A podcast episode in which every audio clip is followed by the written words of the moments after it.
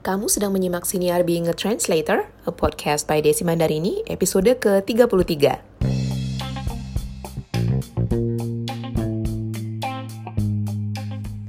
Selamat datang di Siniar Being a Translator, a podcast by Desi Mandarini. Nama saya Desi Mandarini, saya adalah penerjemah dan juru bahasa lepas untuk bahasa Inggris Indonesia. Saya memulai karir sebagai pengajar bahasa Inggris, kemudian secara tidak sengaja terjun ke dunia penerjemahan. Akhirnya, saya memutuskan memilih untuk menekuni profesi sebagai penerjemah dan juru bahasa lepas hingga saat ini. Pernah nggak sih kamu menjalani satu hari yang benar-benar produktif, semuanya lancar, uh, lalu ada satu hari yang terasa lama dan lambat jalannya dan gak banyak pekerjaan yang selesai. Kemudian merasa gak berguna dan jadi malas sendiri. Saya yakin semua orang pasti pernah merasakan hal yang sama ya. Apalagi buat mereka yang pekerja lepas seperti saya yang gak punya rutinitas kantoran, rutinitas yang sama setiap hari kerja. Hal seperti ini biasanya saya rasakan ketika ada beberapa hari dalam satu minggu uh, ketika saya punya banyak deadline yang harus diselesaikan. Kemudian belum lagi kalau ada tugas penjuru bahasaan atau interpreting keluar keluar rumah ya. Dan setelah satu minggu itu berlalu, tiba-tiba saja semua selesai dan jadi sepi gitu.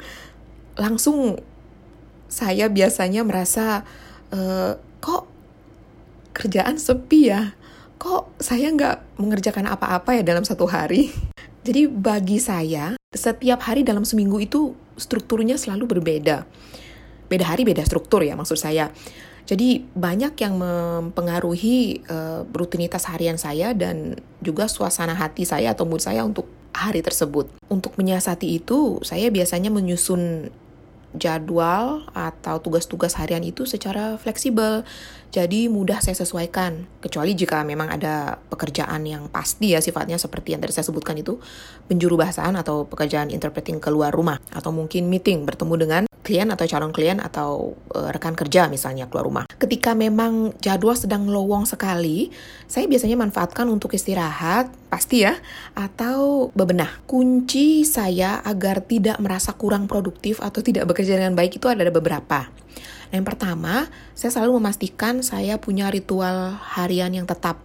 Entah itu ritual pagi, sore, atau malam. Jadi, setiap hari itu uh, akan terasa ada polanya begitu. Meskipun hanya sedikit, misalnya satu atau dua kegiatan yang sama gitu setiap hari. Kemudian saya juga selalu pastikan untuk Uh, setiap hari itu melakukan interaksi sosial, entah itu uh, bicara dengan orang lain lewat telepon, uh, lewat video call, atau voice call, atau bahkan ngobrol langsung. Bisa dengan orang di rumah, bisa dengan rekan kerja, atau tetangga. Jadi saya selalu pastikan saya melakukan interaksi sosial, saya bicara, benar-benar berkomunikasi dengan orang lain.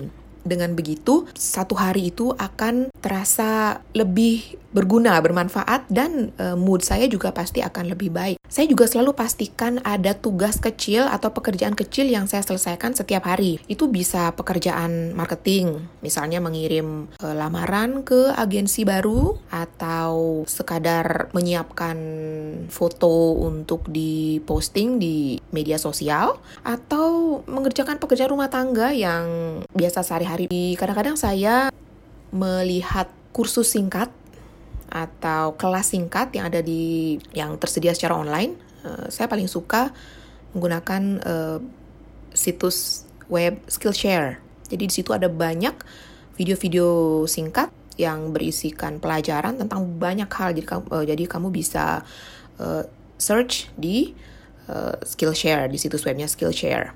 Jadi ini bagi saya sudah termasuk pengembangan diri. Kalau untuk pengembangan profesi, biasanya saya membaca buku-buku yang ada kaitannya dengan profesi saya sebagai penerjemah dan juru bahasa.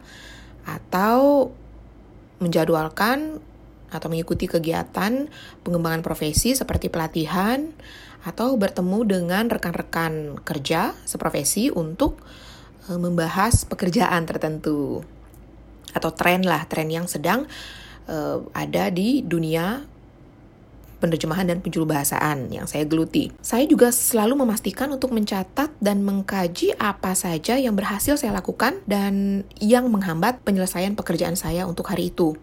Memang kedengarannya sepele ya, dan kamu pasti mikir, aduh, boro-boro mau nulis itu.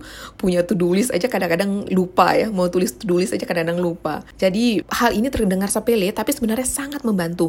Jadi kalau kita lihat dari pagi sampai sore atau malam ya, apa saja yang kita kerjakan, apa saja yang berhasil kita lakukan, dan bagaimana kita menyelesaikan itu bisa jadi bahan untuk e, menyusun kegiatan atau jadwal kita selanjutnya di hari selanjutnya atau minggu selanjutnya dan catat juga apa-apa saja yang menghambat misalnya mau bekerja dengan uh, fokus penuh, tapi karena bekerjanya di ruang tamu misalnya ada banyak gangguan, uh, ada tamu yang datang, ada tetangga yang sekadar menyapa, uh, kemudian ada panggilan telepon misalnya atau diajak ngobrol oleh anggota keluarga di rumah.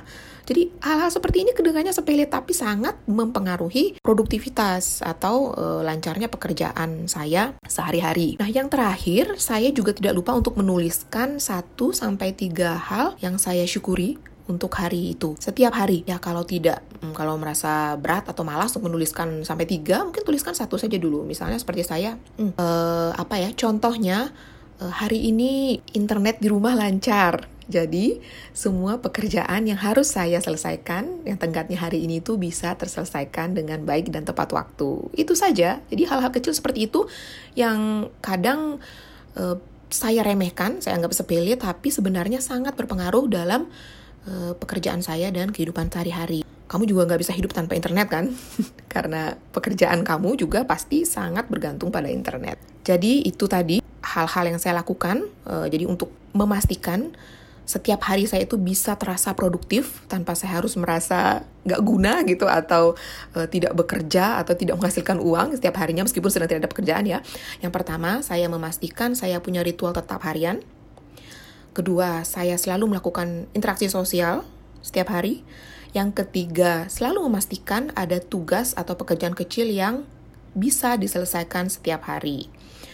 Kemudian yang keempat, memastikan saya mencatat dan mengkaji apa saja yang sudah berhasil saya lakukan dan apa saja hambatan yang saya hadapi dalam bekerja sehari-hari. Kemudian yang terakhir, yang kelima, saya selalu menuliskan satu sampai tiga hal yang saya syukuri untuk hari itu, semacam daily gratitude itu. Ini sangat membantu saya untuk uh, memperbaiki mood dan tetap merasa produktif, meskipun hari itu saya tidak banyak melakukan pekerjaan atau bahkan memang sedang tidak ada pekerjaan.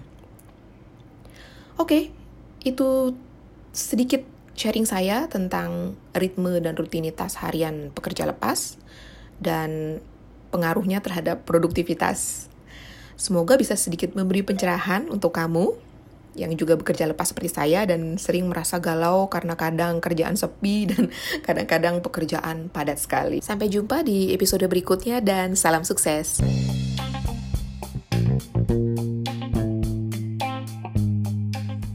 Kalau kamu suka siniar ini, jangan lupa bagikan di media sosial kamu dan beri ulasan.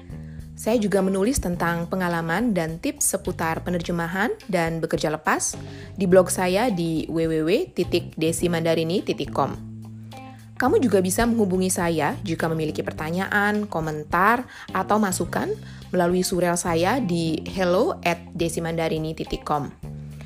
Tertarik untuk menjalani karir sebagai penerjemah lepas? Atau sekadar ingin tahu lebih banyak tentang keseharian penerjemah dan juru bahasa saat bekerja? Nah, kamu bisa ikuti Instagram saya di @desimandarini dan tweet saya di @dfmandarini. Sampai jumpa di episode berikutnya dan salam sukses.